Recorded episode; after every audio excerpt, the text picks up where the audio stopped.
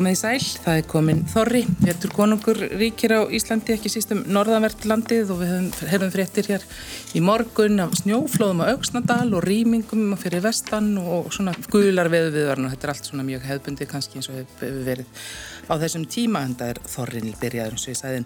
Þau eru komin hingað til mín í vikulokkin, þau Guðmundur Stengrimsson student Jón Gunnar Ólásson, ný doktor við Háskóli Íslands og Svalindur Hólm, framkvæmtastjóri viðskiptaraðs og við ætlum að spjalla svona mýmislegt sem hefur borið á góma í, í fréttum vikunar og svona hver sem þið, hverju maður hefur ekki komist undan að taka eftir kannski líka, þetta hefur verið svona, ég maður ætlaði kannski að segja róleivika, en þetta var auðvitað ekki róleivika, þetta var kannski svona framann af ein, einnar fréttar vika, Svalindur og það var einsetning bætens og svona umskiptin í kvításinu. Já, mér finnst nú reyndar að sko þessa, hérna, þessi bandarinska pólitík hafi eiginlega verið frétt vikunar mjög lengi. Eh, mér finnst þess að til dæmis sko allt síðasta ár var undirlagt af þessari kostningabortu svo voru kostningarnar svo vann bætin þar nokkrum sinnum.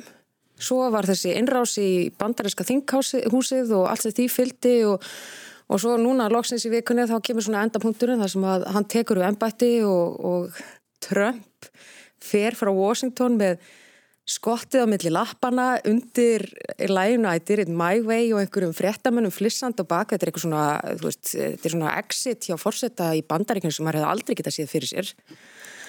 En það sem að mér finnst eiginlega merkilegt við þetta er það að Joe Biden, 78 ára, sé bara ennþá uppistandandi. veist, í alvörunni. Ég, veist, ég hef svo oft hugsað þetta þegar nú hefur tekið þátt í nokkurnu kostningabartum og hann er bara búin að vera að berjast fyrir þessu embætti að minnst ákust í síðustu tvö árin er samt eiginlega síðustu 60 árin bara frá því að sko, fyrst kosin á á, á þing, eða 60 árin hvað er þetta? 50 árin við skulum hafa alltaf nákvæmt. þetta eru 50 ár, hann var 29 ára þegar hann var kosin á, á fyrst, hann var fyrst, hann var eldst hérna, yngst, yngst hann var mjög, hann var með bara þeim yngstu. Hann hafði ekki eins og aldur til að setjast í öldungadeildina og kjördegi, sko. En, en er sem komin, komin alla leið. Já, já, komin alla leið, hann er 78 ára og ég var oft hugsað þetta vegna þess að kostningabartur á Íslandi eru heldur bara svona kostningi húsfélag við hliðin á, sko, amerískri kostningabartu Ég held að þetta geti oft verið mjög hatramt í húsfélaginu Jú, jú, það getur orðið það og te tekið mikið á sko.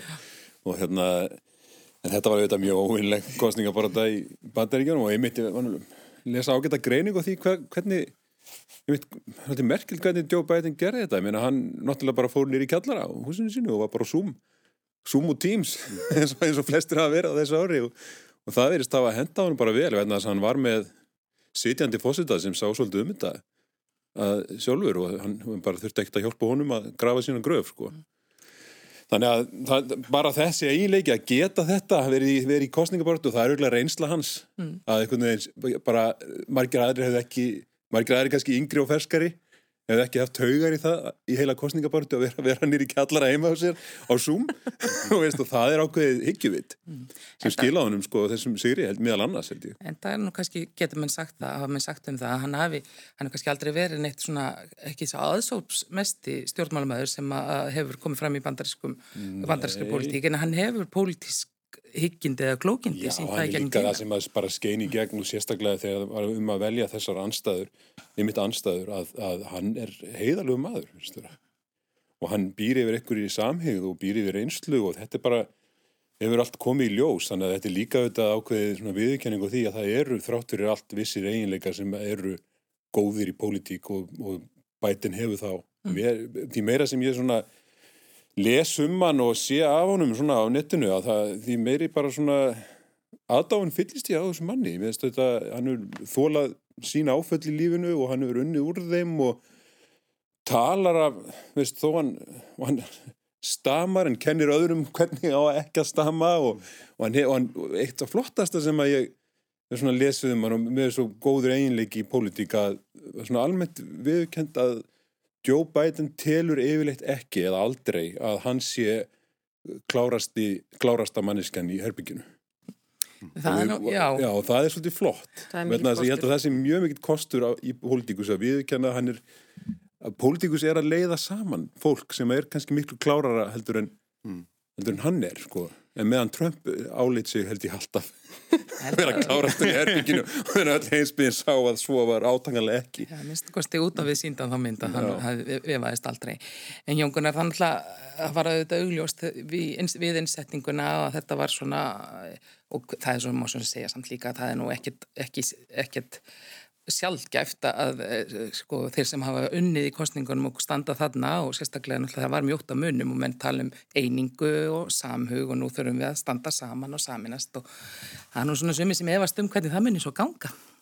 Já, en mér fannst það var svo margt áhugavert í þessu að ég var að mynda að hugsa tilbaka að ég var í New Hampshire í februar í fyrra þegar fórkostningarnar voru og þá var nú eiginlega búið að afskrifa bæten hálfpartinn þá. Og þá snýrast þetta allt um Bernie Sanders og núna finnst manni eins og að sé bara öll síðan að, að þetta var. En, uh, en það sem að mér fannst uh, svo áhugavert þegar maður var að fylgjast með þessari innsetningar aðtöfn að uh, hann er mitt talaði til allra, líka þeirra sem að kursan ekki sem eru þetta mjög mikil andstaða við hvað Trump gerði En ég fór að hugsa að uh, ég sérst að kenna núna námskeið upp í háskóla um það sem að kallast political communication sem er fræðgreinin mín sem er svona samblanda fjölmjölum og stjórnmálum og svona hvernig við miðlum upplýsingum.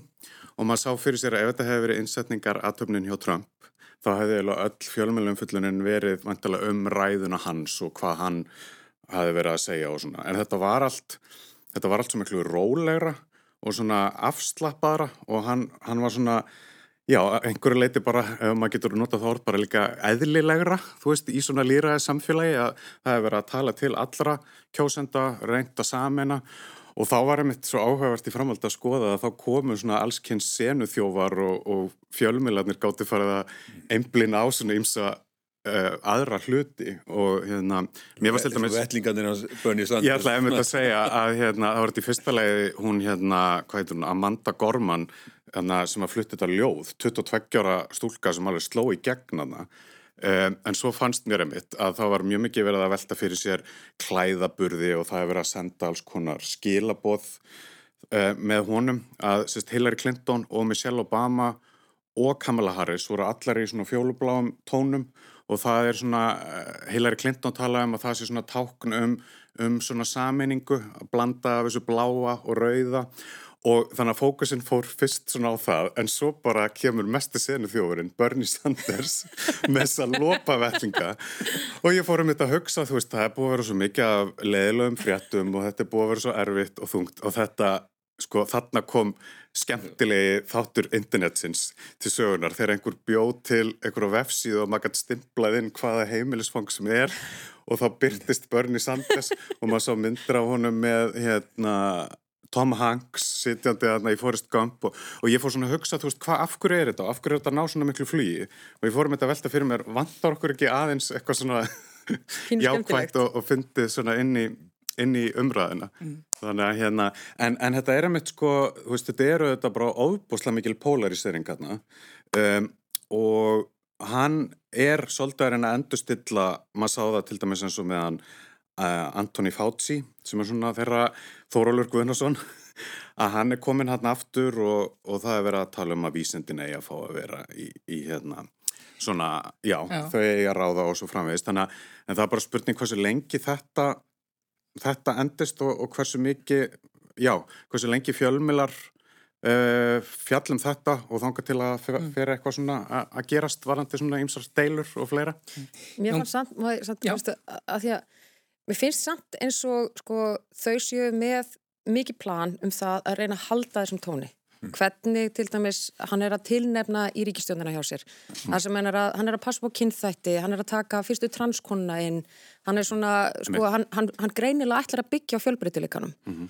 Og, og svo er mitt þetta eins og hvernig, sko, veist, hvernig ræðan hans var, hvernig hann talaði, hvernig yfirbræða hann var, þetta ljóð frá Amandu Gorman. Einhver sagði nú að, að sko, ef Trump hefði verið að, að, að láta setja sig afturinn í embættið þá hefði þarna verið einhver frændars að flytja hækum það hvað hann verið geggjaður, en ekki svona um sko ameríska þjóð. Þú veist, þetta er svona, það er svo margt sem hann gerir og þau, hann og Kamala Harris, sem þau eru að gera til að stimpla inn þennan fjölbreytileika, ákveðin mm. jöfnuð, uh, þú veist, að setja þjóðina í öndvi mm. en ekki forsetan mm -hmm. og persónuna Joe Biden sjálf.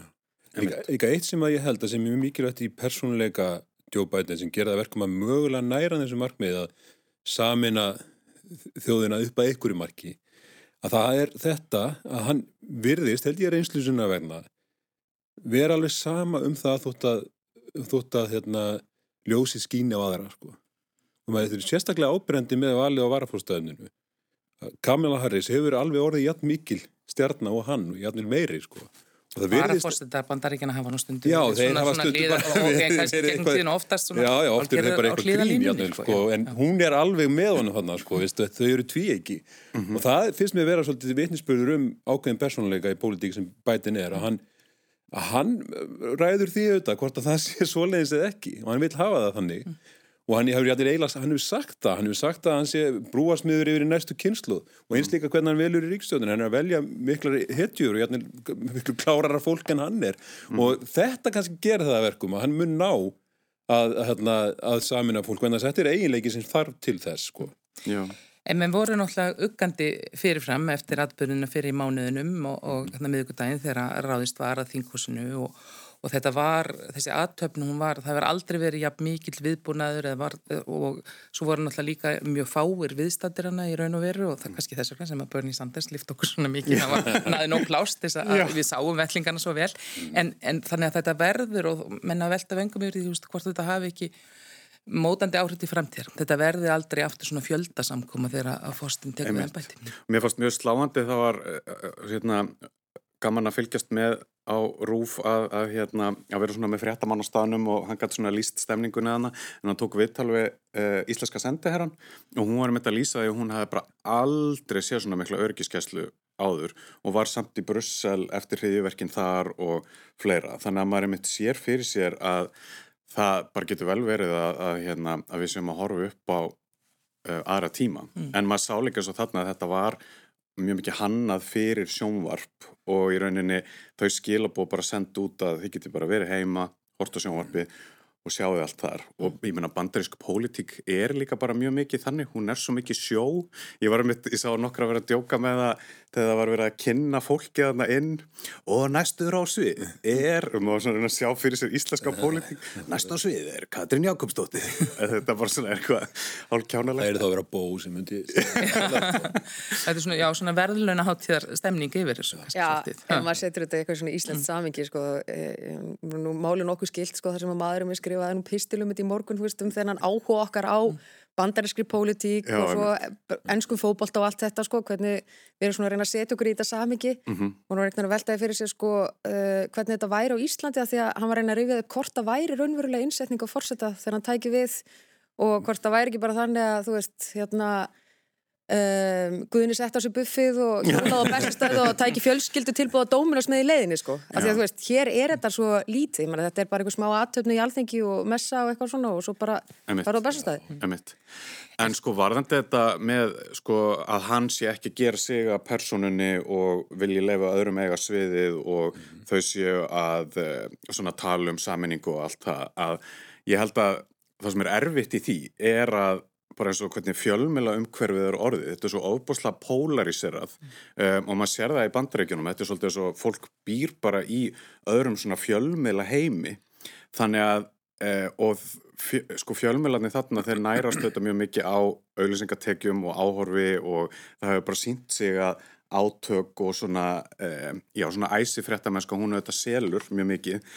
Þannig að ég svona ég, ég er ekki endilega sannferður um að þetta muni endast lengi þessi sko umræða uh, í fjölmjölunum og svona út af við. Og, og hérna ég var að mynda að spyrja nefndum mína í síðasta tíma svona hvernig þeir upplöðu þetta og þeim fannst þeim eitthvað áhugavert hvað Trump væri ennþá að fá mikla aðtikli, sérstaklega þannig í lokina. Þeim fannst fyrirsögnin alltaf að vera Trump, hvað er Trump að fara að gera?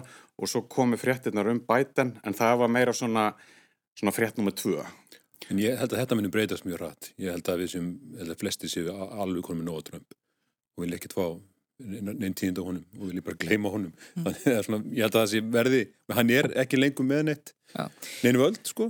Hann er svo fullu kallin, í partíinu, skilju. Já, auðvitað, og það Það tala bara- allir um hann og tala allir um hann rétt eftir partíið en svo held ég að flestin er neitt að tala um hann lengur. sko. En, en það er samt sko eins og Jóngunar er að vísa til að, að sko, menn hafa talað um það að áhugi með þessari uppsetningu og þessari, kannski þessari skautun og náttúrulega manni sem á sér engan líka í, í ennbætti fórseta og hefur talað allt öðru seldur en okkur hefur gert, þá hefur áhugi á pólitískum fréttum á, á aukist og umræða um stjórnmál á, með þeim nótum pluss mínus Trump alltaf kannski skautast í kringum hann hafi orðið til þess að menn hafi fylgst meira, meira með pólitískar umræði á, á þessum nótum í bandaríkjum sko. Já, já. og selt auglýsingar í vissulega. En þess að tala með líka svona svolítið kannski um uh, þessi, þessi valdatíð Trumps hafi verið ákveðin tilraun, má, má segja, sem að menn vilja ekki endtaka, en það, voru þetta, veist það hafa verið þess tilhæng og við höfum þetta við í Evrópu náttúrulega líka að, að, að, að kjósa sko mjög svona háværa populista í margra augum bara vittlisinga til þess að stjórna löndum bara sem eru ekki að segja sannleikan bara, og er, er alveg sama um það er bara algjörlega sama um það þetta snýst bara ekkert um það. Og þessi tilraun að kjósa slíkan mann í bandaríkjónum hún var aldils tekin. Og, og bætin er að verja núna fyrstu dögunum í að vinda ofan af öllu sem þessi maður gerði. Þú veist, þannig að það er, það er nú bara einn vitninsburðurinn sko. og hann er að gera það bara hljóðlega og, og bara skrifa undir bara mjög mörg skjöl bara hætta við þetta, hætta við þetta, hætta við þetta hætta við þetta. Og, er, og, veistu, og það er engin að brjálast við því sem er bara vitninsburðurinn það um mitt, ok, við gerum þetta ekki aftur. Þetta er bara fjögur mjög dýra ár í vittlisu Ég vil sé, heldur að það verði hérna vitspörðunis aldurs svo við séum nú aftur all komin í það að tala bara um það hvernig Trump var og hvað Já, hann skilur eftir Ég var að tala um hvað bætin er að gera. Og mikilvægi hlutir, mér að fara aftur í Parísasáttmólan og hitt og þetta. Já, ég er segi maðurinn hérna. Mm. Nei, ég, hann er bara eitthvað þannig, hann er, hann er svona, þú veist, þetta er eitthvað fullu kallinu í stofunni, þú veist, pr pródúsentin skilur í sjónvarpinu, þú veist, hann er bara, hann, hann, hann kann að draga sér aðtikli og svo er þetta slögstoltir hessi lánu með því að loka þessum Twitter-reikningi hans. En, en sko það sem að Biden hefur gert er auðvitað jú þetta, eins og, og Guðmund var að segja. Þú Veist, hann er að vinda ofan að ýmsum mjög óskinsanlegum ákvörðum sem að Trump tók í sinni valdatíð og mér finnst Biden líka, hann, hann nálgast þetta mjög eindrið, ég meina hann tók stert til orða í innsetningaræðinu sinni, veist, hann, hann, hann er til dæmis, talar þar um sko þessa hópa sem að þurfa samina og hann gerir sér grein fyrir því að það er ekkert allir sem koma saman, það er bara nóga meiri hlutin að fólki sér sammálum það að reyna að ganga sko einhvern veginn í takt. Mm. þú veist, hann talar þarna um white supremacy sem að ég held að enginn fórseti hafi gert áður. Uh, þú veist, hann talar um sko lies for profit og lies for power. Þú veist, hann tók mjög stert til orða í þessari ræðu, hann var ekkit bara einhvern veginn að, að tala um blómun og bíflugurnar sko þannig að, að, að ég held að hann hafi og, og hann er með fólk hann með sér sem ætlar mjög eindreið að draga þjóðuna upp úr þessum pitti sem hún hefur verið í síðastlegin fjögur ár Mhm. og ég vona þeim takist það vegna þess að þó að áhugi á pólitík eða það er að segja, ég held að sé meira svona áhugi á fólki í pólitík aukist, þá er, það, er hann ekkit afinu góða vegna þess að hann snýst ekkit endilega um einhverju málefni eða eitthvað, heldur er þetta bara eitthvað jú vístur yfirildi Mm. Mm og, og hérna, ég var alveg til í að sjá aðeins svona eðlilegri og málefnilegri og mögulega aðeins leiðilegri pólitík, þannig að það var nú eitt sem að eitt vinnum sem býr í bandaríkjunum sagði þegar ég var einhvern tíðan, einhvern tíðan fyrra að vera eitthvað pínu leiðileg og fannst Biden svolítið óspennandi og, og svona, þú veist, ræðunar hans ekkit geggjaðar og þú veist, þú veist, maður náttúrulega vanur því að fólk, fólk sem er að sækjast eftir þessu stöðu, þetta er yfirbyrðað fólk og venlega mjög, hérna, ræðið og, og sjarmerandi og allt það og hann er það alveg á sinn hátt, hann er bara öðruvísi og þá sagði hann, þessi vinnum minn, hann sagði bara, þetta er bara ruggliðar það sem að Amerika þar núna er akkurat svona fyrir eitthvað óspennandi fórseti við erum bara búin að fá nóga einhverju gaur sem er rosalega spennandi En það vekur náttúrulega svolítið aðtikli hversu fullorðin maðurinn er, 78 ára og mann tala náttúrulega um þessa miklu pólitísku reynslu sem hann hefur en, en hann er líka og mér, tók, mér finnst það að hafa verið mjög ábyrrandi hvað hann hefur alltaf hlaupið inn á sviðið alltaf þegar hann er að koma að taka þátt í kaffræði. Það er svona, hvað, hvað, hvað finnst okkur um, bara vekur það enga aðtikli svona sérstaklega? Jó, ég menna, talandi um með svona miðlun, þú veist, upplýsinga og hvernig þú ert að reyna, ég mitt hef tekið eftir þessu, að að svona sína að hann, hann geti þetta ennþá og, og sé ennþá óbúslega fitt og, og hérna og ég tek alveg undir sem að Svanhildur var að segja á hann bara að hann hafi getað komist í gegnum þess að kostningabaróttu og virka bara hress og kátur og svo sér maður hvað hann er gamall og hérna þetta er alveg, þetta er alveg ótrúlegt En Nancy Pelosi er eldri. Já. Hún er, hún er eldress. Já, Það er ekki að segja annað.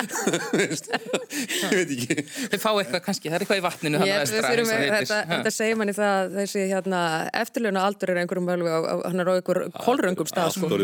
En mér finnst þetta einmitt sko talandum einmitt að, að hafa verið með svona mann sem var algjör snillingur í PR og, og því sem að Trump er að, að, hérna, að það er einmitt sko, maður er búin að lesa svo mikið að greiningum og heyrt í fólki sem að leika bara að tala um að fólk er bara svolítið örmagna, mm. veist, eftir þessi fjögur ár, stanslausir skandalar og, og hlutir í gangi þannig að, kannski einmitt vildi fólk bara einhvern pínu svona döll, einhvern svona mann sem að bara er, er einmitt ekki að setja sjálfans í, í fyrsta sæti og er að reyna að, að hérna, vera málefnalegur og, og, hérna, vinda ofan af ímsu svona sem hefur verið gert þarna. En, en mér finnst, þú veist, það, það er ótrúlega sláandi líka bara eins og við erum að tala um með allt þetta bull sem er búið að vera í umræðinni að ég sá eftir að Twitter lokaði á Trump að þá var gerð eitthvað rannsókn um að svona misvísandi og rangar upplýsingar um kostningarnar að það, það sko minguðu um yfir 70%.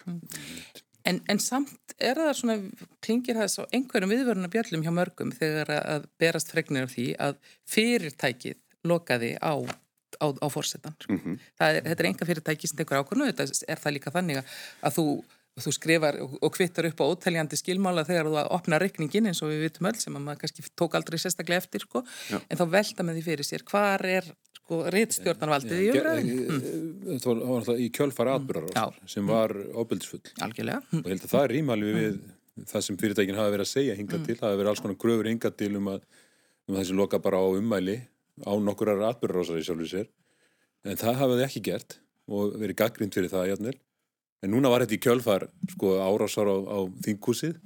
Þannig að ég hugsa að það fyrirtækin í sjálfur sér hafa alveg verið samkvæm sjálfur sér og hafi, myndi, get, gætu kannski alveg fullirt að þeir myndu gera þetta í öllum löndum sko.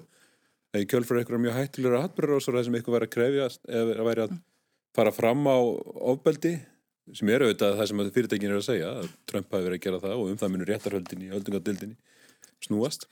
Þannig að ég minnst þetta skiljanlega og, og góð ákvörun hjá þeim en auðvitað líka mjög merkileg. Mm. Hvað finnst þér Svanhildur um, um þá okkur? Twitter, lokunina. Ég meina, það er bara enga fyrirtæki, það ræður hvað það gerir. Það, það er svolítið niðurstaðan, þetta er ekki ríkisútvarp og það á svo sem engin kröfu á því að geta sett fram skoðanir sínar hvar sem er.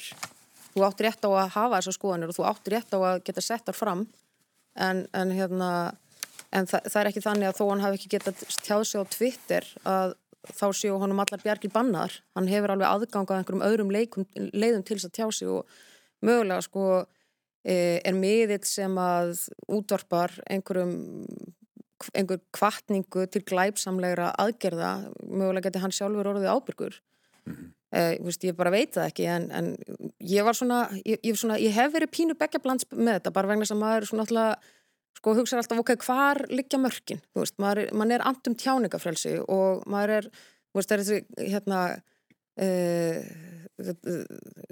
þessi gamla nálgun sko að, að hérna, ég mun verja réttin til þess að hafa rángar skoðanir sko, en en svo er bara einhvern veginn, stundum ferðu bara yfir einhver mörg sem er þannig að fólk á rosalega erfitt með að verja gerður þínar, jafnvel þó að sé ákala mikið prinsipfólk og ég held að Trump hafi bara farið yfir þann þröskuld ansu oft síðustu fjör ár En það er auðvitað líka, ég má þetta, mér sko ég held að við höfum líka, við höfum ekki bara veitnið að ákveðni svona pólitískri tilrunum með að Trump þarna fósita og leit og hins frjálsa heims og kalla en líka þessi þessi, þess, þetta, þetta rannsóndarefni sem er bara yfirstandandi og bentur saman nefn okkur bara hvers virði er og hvað þýðir sannleikur sko. Mm -hmm.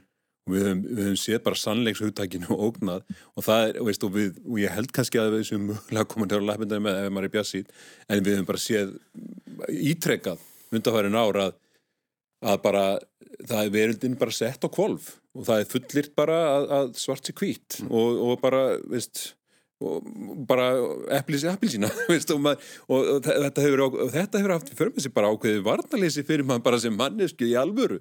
Er, er, er ekki til eitthvað sem heitir satt og rétt?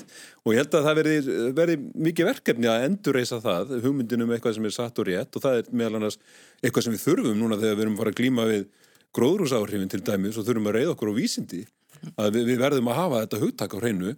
Og þarna komum við auðvitað líka samfélagsmiðlar inn í þau, þau, eru, þau eru, þetta er nýr miðl fyrir okkur sem mannkinn og þetta, þetta er auðvitað eitthvað sem við erum ennþá að fóta okkur með bara sem mannkinn að hérna, við, við, við vitum ekki tala og það, það sem var að fara þarna á istu nöf í, í samblandi samfélagsmiðla og valda mikill að persóna sem er sama um sannleikan að sjálft sannleikshúttæki var bara að fara fyrir ofangar og neðan mm. og getur það ennþá Jón Gunnar, það, það er náttúrulega þessi akkurat sem að tala um á þann, það er miðlun pólitíkurinnar mm. og pólitískar upplýsinga sem hefur náttúrulega bara umturnast kannski á síðastluðum árum Já og ég menn þetta er alveg rétt sem að Guðmundur er að segja við erum ennþá svolítið að bara móta okkur í þessu umhverfi og um, þetta hefur verið svolítið þannig að stjórnmála fólk er að setja eitthvað fram á samfélagsmiðlum og svo er það oft endutekið í fjölmiðlum og það var sérstaklega þarna 2016 mjög gaggrínt í rauninni hvað er e, fjölmiðlar voru bara að í rauninni að útvarpa og sjónvarpa bara beint því sem að Trump var að tala um. En maður sá óbærslega mikið mun núna í kostningunum að þeir í rauninni voru miklu meira svona staðrenda tjekka það sem hann var að segja og ég menna þeir kliftu frá hérna blagamannafundum og fleira. Þannig að það hafa greinlega farið fram alls konar umræður um hvernig sko, hvernig hefðbundnu miðlarnir, hvernig þeir ætluð að vinna með þetta. Og þetta er auðvitað bara eitthvað sem við erum að fást við bara flestum svona vestrænum líraðisríkjum um, en varðandi mitt þess að það að einhverjir samfélagsmiðla loki á uh, Trump og, og aðra að það eins og ég var að nefna þetta náðan þetta hefur sínt sig að þetta hefur dreigið mjög mikið úr þá dreifingu á svona raungum og misísandi upplýsingum eins og í þessu tilfellu um kostningarnar en þá er spurning fer þetta þá bara í einhvern annan farveg fer þetta bara á eitthvað einhvern annan miðil og, og eitthvað slíkt sko. þannig að þetta er, þetta er mjög flókin umræða sem við erum ennþá að, mót, að bara fóta okkur svolítið í að, reyna að finna út úr en, en mér fannst ég sjá mjög skýrt í bandariskum fjölmjölum núna með við fyrir fjórum árum að þeir voru búin að hugsa þetta betur, hvað er ætlað að gera og hérna Það bara í kringum kostningabartuna já, núna já, í, og, og, og svona sko. hvernig þeir voru að miðla efni frá samfélagsmiðlum og líka frá svona blagamannafundum og eitthvað ef það var bara mjög augljóslega bara verið að ekki einu svona eitthvað aðeins að, að hérna svona eitthvað blæbreða munur á því hvað manni finnst satt og rétt heldur bara mjög augljóslega bara verið að ljúa mm. um, þannig að, að já, það, mér finnst það áhugavert. Já, ég er samanlega því og þetta er sko þú veist, það, sko þessi samfélagsmiðla uh, fréttaflutningur, fréttir af Facebook. Mm -hmm. veist, þetta er náttúrulega bara svolítið furðuleg grein í fjölmiðlun. Mm -hmm þar sem að þú ert að taka eitthvað sem fólk segir á, á samfélagsmiðlum eða þú veist eins og í starra samhengi það segir þetta einhverjum fréttamannafundum eða í samtölu við einhvern og, og, og, og þú flýtur þetta eiginlega sko óskoðað og bara byrtir þar sem þetta er sagt, það eru bara byrtir einhverju status og svo formæðis. Mér fannst einmitt núna eins og ég aðdraðanda þessara kostningar núna mér fannst vera svolítið varfærtnari nálgun í því Já. og þetta gerir kröfu á fjölmjöla um að vanda sem þess meira að vera með raunverulegt staðrendatjekk og vera ekki með þessar hérna, hann sæði, hún sæði fréttir. Það sem að þú kveikir bara einhverjum og lætir einhvern svara því að því að það er svo þægileg leið til þess að búa til frétt. Þú fær bara eitthvað, þú fyllir upp í einhverja mínútur og það þarf alltaf að gera svo hratta þegar það er svo fáur á vaktinni og allt þetta. Ég meina, þú veist, þið vitið alveg hvernig hlutinni fungera. Mm -hmm. En þetta er bara að það þarf að gera eins meiri kröfu til fjölmjöla að beita greiningarhafni sinni á fluti sem fólk er að segja sem að eru ekkit endilega alltaf stórkostlega vandar. Veist, þetta er einhvern veginn eins og Veist, stundum fyrir ótrúlega mikið í tögarnar með þegar ég er að hlusta fréttir og ég heyri fréttir sem er einhvern veginn svona eins og þess að jörðin er flött að sög formars flatjarðarfélagsins. Akkurat. Þú veist, þú far bara einhverja staðhængu en það er bara einhver gaur út í bæ sem segir þetta og hann er vittlisingur Það er einhvern veginn Jújú, jú, þú hefur rétt til að hafa rángar skoðanir, þú hefur rétt til þess að viðra þær en fjölmjölar hafa þá skildu að sikta út. Mm. Klukkan er rúmlega halv tólf, þau setja hérna hjá mér Svanildur Holm, Guðmundur Stengrimsson og Jón Gunnar Ólásson og við hefum verið að tala um ja, bandariska pólitík og skiptin þar og, og svona pólitíska umræðu hvernig hún mótast og flytjum okkur svona kannski aðeins heim, ég meina það eru menn eru líka hér upp á Íslandi svona aðeins að setja sér í stellingar og nikla vöðvana, það er farnar detta inn tilkynningar hjá fjölmiðlum og félögum, ég gef kost á mér og ég sækist eftir og, Menn hafa komið að málu um mig. Já, nei, það er nú kannski að mér er farin að senda tilkynningur þá hafa þeirra það kannski ekki, en þetta er svona veist, við erum að fara að sigla inn í, menn, það er að fara að velja á frambóðslista og, og hvernig það er og við höfum aldrei verið umræðum fara í gang, Guðmundur. Þetta er pólitist að sem að menn horfa á. Þú einu sinni stóðst á þessum vettvangi. Jú, jú. jú, jú. Hérna, já, það er bara spennandi að fylgjast með því í gnauðandi vindi og myrkri mm. í januar að fylgjast með þessum tilkynningum og svona og gott að ykkur nennir þessu bara fullur viðringar það er bara ágætt og hérna, en veist, já, já, ég menna ég er ekki að neyta að manni finnst kannski íslensk pólitík vera ymmit, þetta er orðið svona húsfélag með við það að fylgjast með bandakjónu svona lengi. Að hérna, maður svona veist, en það er auðvitað bara mm. Uh, mist, ég, maður er ekkert að ripna spenningi sko. Nei. en, hérna, en, en kannski ámaður heldur ekkert að vera því. Menna, þetta er bara kannski pólitingin breyst svolítið að Ég var ekki svo gott að hafa þetta leðilegt menna, stundum eru óraunhafa kröfur og hafa verið eins og til dæmis til íslenska stjórnmálamanna um að þeir eiga, raunir það að vera alþingismæður þú ræður bara svo og svo miklu og jafnir lengu en þess að það eru 63 alþingismenn og þeir verða að gera þetta nokkurn veginn saman en minnst kostu verða að mynda meðluta mm -hmm. þannig að við stundum eru kröfunar til hafa verið í gennum tíðina þannig sko eins og einn alþingismæður bara eigi að geta lofað ykkur og það eigi að geta gest mm. svo gerist það auðvitað ekki en þess að hann ræður ekki Já. þannig að það er líka allt í lagi bara ef, ef íslensk pólitík er að fara niður á svona, svona raunhafari level sem kannski má segja leiðilegri level en minna, þá er það kannski bara raunhafari level og, og bara betra fyrir alla. Þetta er bara svona, við erum að kjósa bara gott fólk til að fara inn í alþingishúsi og taka ákvarðanir saman fyrir okkar hönd. Jón Gunnar, heldur að menn velti fyrir sig og tala um táksæðið og takkmyndirnar þegar Mhm. menn hérna er að koma fram eins og þess að er innsetningarartöfn þessi allt út spekulirað og menn sé búin að jafnvel búin að bræða með sér litasamsetningar sem samin er eitthvað og, og ég er ekkert alltaf vissum að allir sem horfa á nemi þetta svona nákvæmlega en, en, en, en þegar kemur að því að velja frambjóndamyndina þá þá, þá felast í því kannski einhver skilabóð. Já, en þetta er eitt sko, ég hef mitt held að kannski margir velti þess ekki fyrir sér en, en þetta er eitt sem maður sér svo oft á netinu að, að það eru allir að greina og stúdira og pæla eitthvað í þessu en, en eitt sem eru auðvitað mjög ólíkt hér og í bandarækjunum er að sérstaklega fósettakostningarnar eru svo einfaldar vegna þess að þetta eru venilega bara tveir sem að koma til greina. En það sem þetta hefur gerst á Íslandi undarfærin ári er að það er alltaf sífælt fleiri flokkar Um, og ég hef verið að taka saman tölfræðin daginn að þetta var lengi vel þannig að fjórflokkurinn var kannski að fá um milli 85 og 90% síðustu kostningum fengu þessi fjórflokkar 65% þannig að þetta er alltaf fleiri og fleiri flokkar og þá er erfiðar að þetta kannski að fanga aðtikli þannig að þetta snýst líka, eða þú veist, það er það er það sem er svo flókið í þessu hérna heima og nú erum við komið líka með fleiri miðla þannig að þetta er ekki eins og hérna í gamla daga þegar bara það voru nokkri flokkar og það fóru allir og horfið á leittóa umræðnar í ríkisútvarpinu og einhverjum fleiri stöðum, þannig að þetta er líka svona óbúslega mikil samkeppni varðandi í fyrstulega að koma þér á framfæri og svo þegar það er búið að velja listana að koma flokknum þínum á framfæri. Og bara eitt sem að ég var aðeins að hugsa núna þegar þetta er alltaf að byrja er að þetta er svo óvenjulegt ár. Ég menna þessar kostningar eru að fara að vera í september og ég menna ef að þessar bólusetningar ganga vel og, og við erum kannski bara komin í eitthvað góðan gýr hérna síðar mm. að árinu er, er fólk að nenna mikið að fylgjast með kostningabartu, mm. ég veit það ekki. Þetta er, mm. er margt svona áhugavert framöndan. Bólusetningin geti haft áhrif á fylgjiflokkana Mm. Mér hefur við verið með öll honir hérna bólusett og komið með 5G í símana og allir í partí bara þá, hérna, þá getur það að færa sjálfstæðisflokkurinn auðvitað mikið fylgi mm. Nei, og ríkistöndarflokkanir en ef bólusetningi missefnast og, mm. Og við erum öll heima en þá á náttutónum bara þá hérna Það eru náttúrulega öll stjórnvöld um allan heimum mitt að glýma við það hvernig það gengur Já, og hvernig það, það endur, endur speglast svo bara á tröst fólks mm. til stjórnvölda um það sem er kannski já, já. stundum En sko, en, á íslensku, íslensku samingi þá hefur heimsfaraldurinn líka dreigið fram ákveðin styrkleika í Íslands samfélag sem er einmitt þessi kannski tengdu því sem ég var að ræða á þann að, við, við erum fann kannski að viðkjanna það að takmarkanir pólitíkusa og pólitíkur að við sem sagt orð ásins og, og, og fólk ásins á síðast ári var þrýegið mm.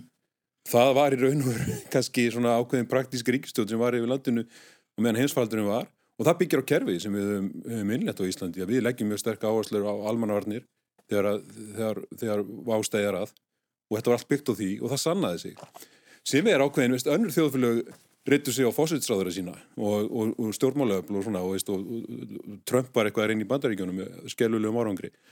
Þannig að þetta kerfi íslenska sem byggir beinlinni sá því að íta pólitík til hliðar þegar þeir hættast þegar að á ákveðinhátt sannaði sig. Mm.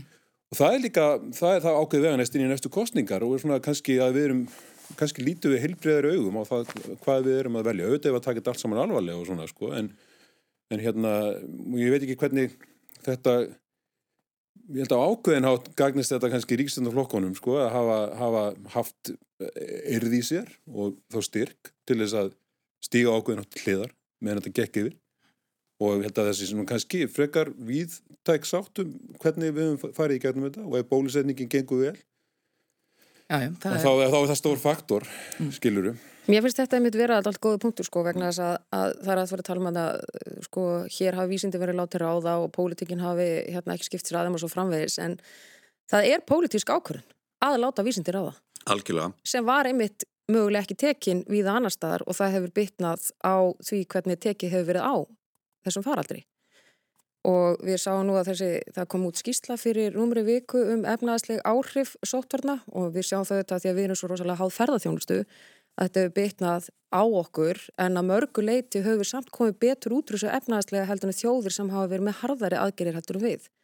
Þannig að einhvern veginn hefur okkur tekist að stíga ölduna og þrátt fyrir það að umræðanum bólusetningar hérna hafa nú verið alls konar af því að það hafa nú verið svolítið misveisandi skilaboð og, og svona þá kíkti ég á lista yfir framgang bólusetninga í heiminum í gær og þar eru við í sjönda sæti. Þannig að við erum svona, þú veist, miða við höðatölu eins og vennilega alveg í þokkalögu málum þannig en auðvitað, þú veist, langar okkur til þess að þetta gangi hraðar. Það er allir búin að fá nóga þessum mhm. fjarfundum og, og hérna mm. samkomu takmörkunum og ég á sko vatnabatt sem er orðið áttamánaða það verður mögulega skýrt í næstu viku af því að börnum mín eru sko, fóröldarnir eru bæði skilnaða börn þannig að það er svo margir sem standa af þeim og þetta er bara svona, þú veist, lógistist vandamál einhvern veginn hvernig við ætlum að koma veist, þessum fjölskyldum fjö, mörgu og mannmörgu fjölskyldum saman mm. til þess að vera við þessa hérna, merkilegu aðtöfn en, það er, veist, auðvitað langar okkur allir rosalega mikið til þess að komast hratt í þetta eðla ástand og ég veit ekki ég veit ekki alveg sko hvort við myndum hafa meiri áhuga á kostningum sko, ekki í samkominntakmörkunum eða í samkominntakmörkunum Væri ekki kannski meiri áhugi í er svona minna við að vera held ég sko, þannig að það gæti verið. En, en það er einmitt það sem ég er að velta fyrir mér að ef að, segjum svo svo að því kostningarna verði í september, að ef að þetta hefur gengið vel og svona í lóksumas þá verði hlutinir svona þetta í eðlert horf, ég meina, eru þá ekki bara mjög margir sem hafa efnaði, eru þeir ekki bara að fara að stinga allir útlanda og, og fleira. Æ, mm. Ég var bara svona að hugsa þetta sem mjög mikill áhuga maður um pólitík og hefur verið fréttafikill bara frá því mann eftir mér að er svo erfitt að sjá þess að kostningabaróttu fyrir mér núna á þessu ári. Það eru svo margir óvissu þættir í þessu og ég tek al algjörlega undir það að, að ég er búin að vera að lesa mikið um svona viðbröð annar að ríkja við COVID og þá sérstaklega vanandi miðlun upplýsinga og fleira og skrifaði mitt kabla í, í bók hérna uh, um þetta og var að lasa mitt á kablan frá Nóri og ég held að svona ímynd hérna Noregs og Íslandi er að normin eru mjög skipulaðir og gera hlutina vel og við vorum miklu betur undirbúin í byrjun en þeir. Veist, það bara kom mjög skýrt fram að hérna, þannig að ég held að það var algjörlega pólitísk ákvörðun að láta vísindamennina vera meðla upplýsingum og ég held að eila sama hvar maður stendur að, og maður sér það bara í könnunum að það eru bara lang flestir á því að þetta hafi hefnast frekar vel. En svo sér maður kannski ef þetta fyrir að dragast mjög á langin að þessi umræða núna um bólusetningarnar að þetta er eiginlega í flestum Európaríkjum núna, það eru mjög margir pyrraðir að þetta gangi ekki hraðar og ég menna auðvita, við erum öll komið með leið á þessu, þannig að, að já mm.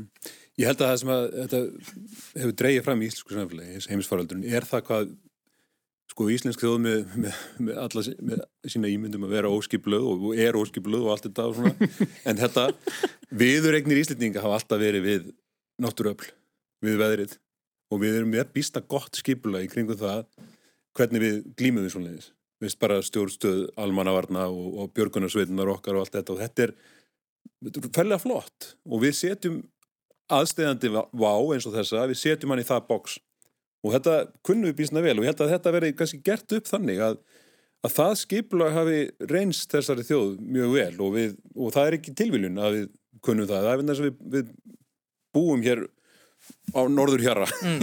í stormi og vindi. búið við talsvært vesen búið við talsvært vesen og, og eldgós og járskjöldar og, og hvað þetta, þetta, þetta dreinur á okkur. En það sem ég býð eftir var þetta kostningarna núna Jú, já, gaman að að það sé verið að ræðast á lista og svona, það er spennandi, en mér, ég hef nánast pervertískan áhuga því að sjá stefnusgröðnar og svo sjá bara hvað, um hvað verður, og þessi þjóð held ég líka, og allan að ég horfi, ég hef bara maður, ég er svolítið þreyttur á, það eru mjög stór úrlösnar hérna, hérna, stór deilumál sem að, maður er um bísna vonlítill um að muni nokkuð tíman fá niðurstöðu.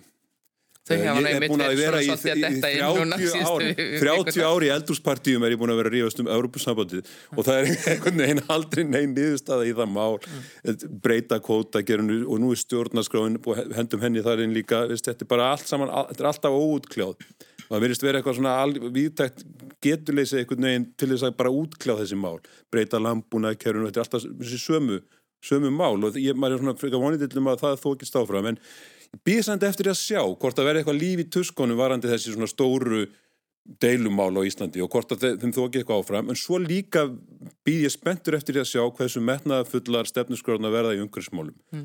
og út frá því mun ég taka mínu ákvörðun en það er bara stærsta viðfónsefni á, á næstu árum áratugum. Ég held að mörgum finnist nú kannski svona bara, bara horfir yfir svona fréttaflutning og umfjöldun almennt að þá hafi hafi pestin ítt lofslagsmálunum og svona umfyllunum þau mjög sliðar?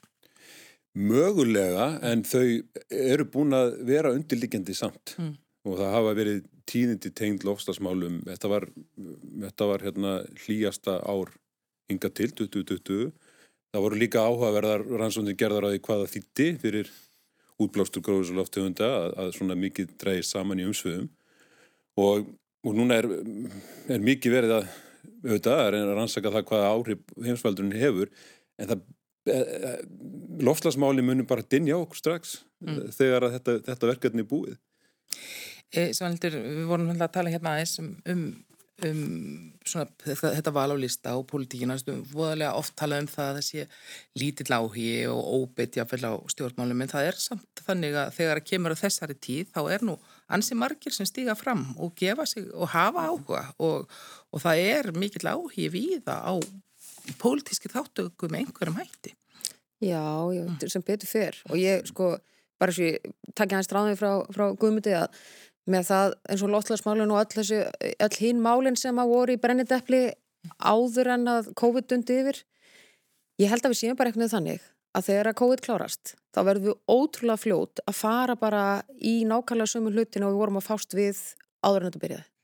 Ég held að sömu málinu voru heit þá, þau verði heit eftir COVID, við verðum kannski með eitthvað svona, veist, örlítið aðra áherslun með það svona í báhóið að, að, að kannski getum við lengt aftur í einhverju svona faraldri, þú veist, við þurfum einhvern veginn að búa okkur undir það, en ég menna öll hinn málinn, þú veist, Európa-sambandi og loslasmálinn og hérna, sko, uh, miðhálfendur stjóðhugarður og, og svo framvegið sko. Þetta verður allt saman á dagskráð þegar þetta klárast en, en hvað var það svona þáttöku í pólitík? Já, ég er búin að sjá nokkur nýjum öfn núna, auðvitað farið að velta þess að þessu upp og mörgum finnst langt í kostninga. Það eru ónættilega núna en þá átta mánuður.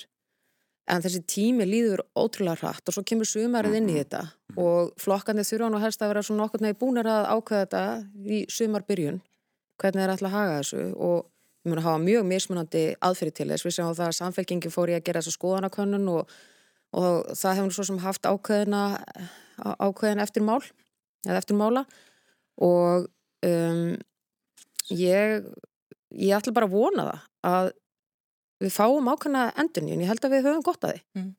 Það hefur náttúrulega orðið, orðið mjög mikil umskipti á þingi svona síðustum tíu árum. Það eru bara örfáir sem voru, voru fyrir hrun sem var nú svona áður en, áður en COVID kom þá var það náttúrulega fyrir og eftir hrun var stóri svona bautasteytnin eða viðmið í pólitíku bara hjá okkur og, og út um allt líka og það hafa orðið mjög mikil umskipti.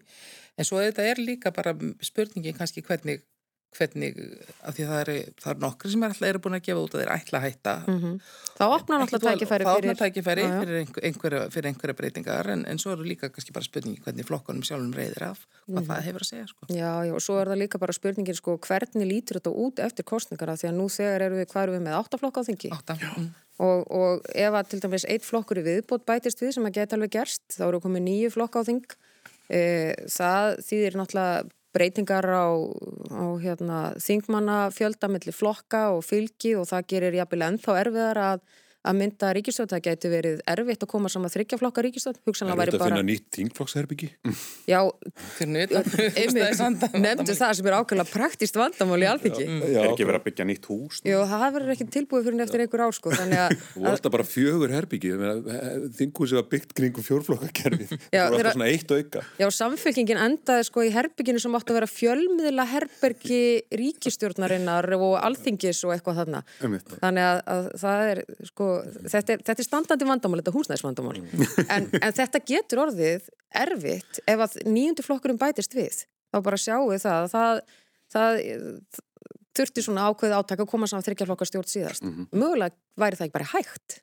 Emitt, ég, veist áhugaverður þessi punktur sem við varst að spyrja var þetta sko áhuga á pólitíka því að það sem við sjáum sko í könnunum alþjóðlega og spyrð fólk hefur áhuga á stjórnmálum þá er hefur áhugin alltaf aukist en það sem maður kannski hefur gerst er að annars vegar er alltaf að vera fleiri og fleiri flokkar sem eru þó oft myndaðir í kringum eitthvað svona tiltekin málefni og aðeins svona þrengri en voru hérna árum áður. Og svo hins vegar að fólk er bara að finna stjórnmála þáttöku líka annan farveg.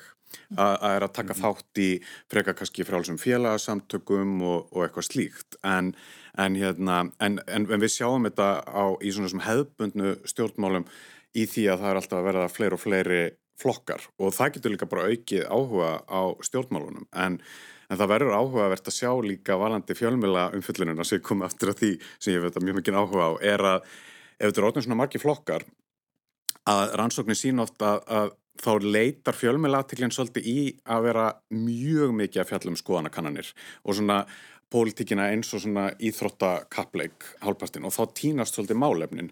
Og ef maður sér fyrir sér að þetta var orðið svona óbúsla flókið og þá fara allar umræðir í gang hvernig verður hægt að mynda stjórn sem er svo sem þetta alltaf. En, en líka bara, ég meina orðið með nýju flokka, hvernig allar að ná svona alvöru svona djúbri umræðu um málefnin í þáttum og og slíkt og ég menna ég man eins og fyrir kostningarnir en það síðast að þá var þetta farin svo leið að bara skipt oft bara í hafa þetta tvö kvöld og eitthvað slíkt mm. en, en þetta er alveg flókið upp á að, að hérna fyrir bara hinn almenna kjósanda að bara setja sig inn í inn í málinn. Bara maður horfir yfir línuna, það er kannski 11-12 frambóðið eitthvað svo leiðis. Bara svo fótbóltalið. Bum, bum, bum, en, en ég var með staði í svona panel og það er mjög, mjög, mjög taugastreikjandi einhvern veginn þar sem að fær sínar tíu sekundur og, og svo næsti bara. Þetta er orðið svona, þú ættir eiginlega bara að setja upp sko þráð á Twitter eitthvað, af því að þetta er áleika langu tímið. Það fær hver bara, þú veist, hvað er þetta, 280 slög eða eitthvað næstu því, svo nærða að segja að að að þau að bara fækkuðu flokkunum til að geta eitthvað. Það var auðvitað ekki peningur skilur í framleiðslu til að vera með svona marga formel.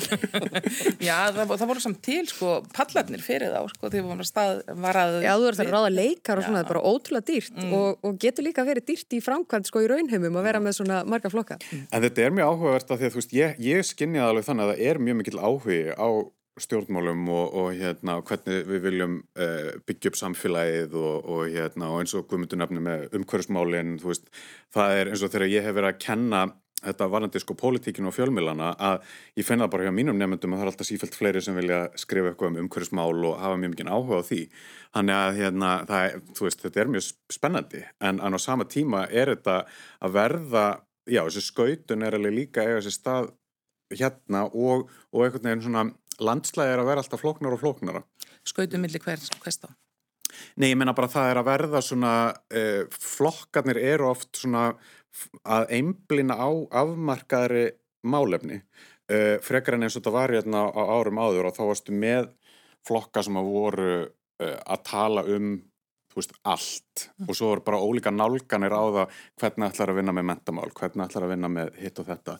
Að meina núna þá sérðu oft flokka komaðin inn sem eru bara með eitthvað einn fókus og það getur búið til svona skýrari skautun. Mm. Ég meina það er kannski komin sko jarðvegi fyrir því núna til dæmis að vera bara með frambóð þar sem að þú veist, þú veist, bara með málefni eldrafólks eða eitthvað svona miklu, miklu afmarkara, þú veist, eins og flokkur fólksins sem eru til dæmis með mjög svona fókuseraða stefniskrá í raun og veru, allan að þeim mál sem þau setja á ottin. Mm. Já, sko, ég, ég held að það, ég myndi segja ekkert að kvarta yfir áhuga á pólitík, ég held að hann sé mikill og en, þó hann sé ekkert endilega, þó kannski ekkert allir upplifið sig eitthvað staðar í einhvern flokki eða eitthvað slíkt, ég held að flokksvitund hafi mingað og kannski eru margir svolítið ringlaðir svona á í hvar, hvar, hvar þeir eiga að setja sér á básk og, og vilja hann ekkert gera það heldur.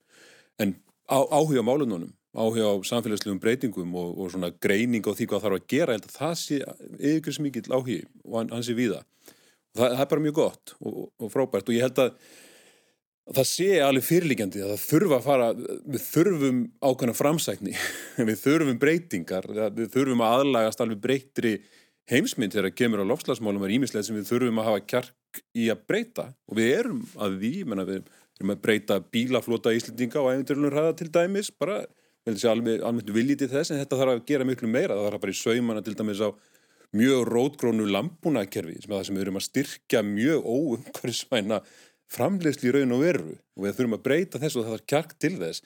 Alls konar svona rótgróni hlutir sem þarf að fara í sauman á í íslengu samfélagi. Sko árunum eftir hrjúin þá var svakalur hiti í, í pólitingin hérna. Og, veist, og, og að fara svona gest í það að reyna að breyta mjög miklu og það kannski tókst ekki alveg nógu vel. Og Ég upplýði þessa ríkistöð sem er núna sitjandi, var, ég upplýði þannig á, að á mjög skiljanlega hátt að veitt að markmiðunum verið að reyna að róa niður og reyna að eiginlega svona bara búa til ákveðna pásu í samfélaginu. Þú maður reyna bara núna að sykla þessu freka vel og síðan þessi heimsvartur kom og rýmaði hann svona freka vel inn í það prógram. Mm. Ok, lefum núna bara þóróli og víði og, og ölmu að fóra svið.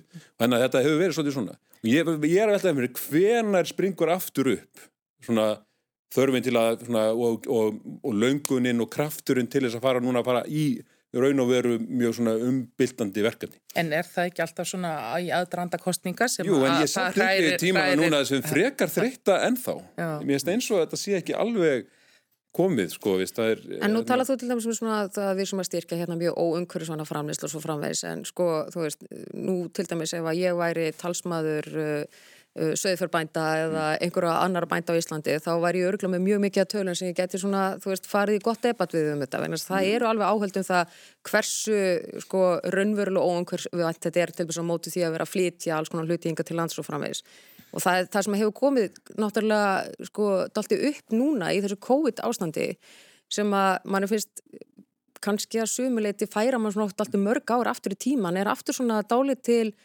svona umræðum það við þurfum að vera sjálfbær, þetta umræðum matfæla öryggi, uh, hérna uh, svona ákveðin landamæra, verja okkur. ákveðin svona uh, sko, sem að þarf ekki að vera neitt slæm, þú veist, öll, öll þessu umræð en samt sem að vera með svona smá einangrunnar blæ á köplum sem að, sko, ég held að geti verið eitthvað sem við þurfum aðeins að, að horfa til fyrir þessar kostningar, sko, hvernig þróast af því að af því að það er eitt að vera að geta verið sjálfins og nægur og passað upp á sjálfansi eða eitthvað mikið gerir sko en annað er það að fara í einhverjum svona mikla einagrunastefnu sem að við sjáum alveg að hjá ákveðnum flokkum að er svona eh, eiginlega smá grunnur fyrir og móttækileg heit sko. Mm.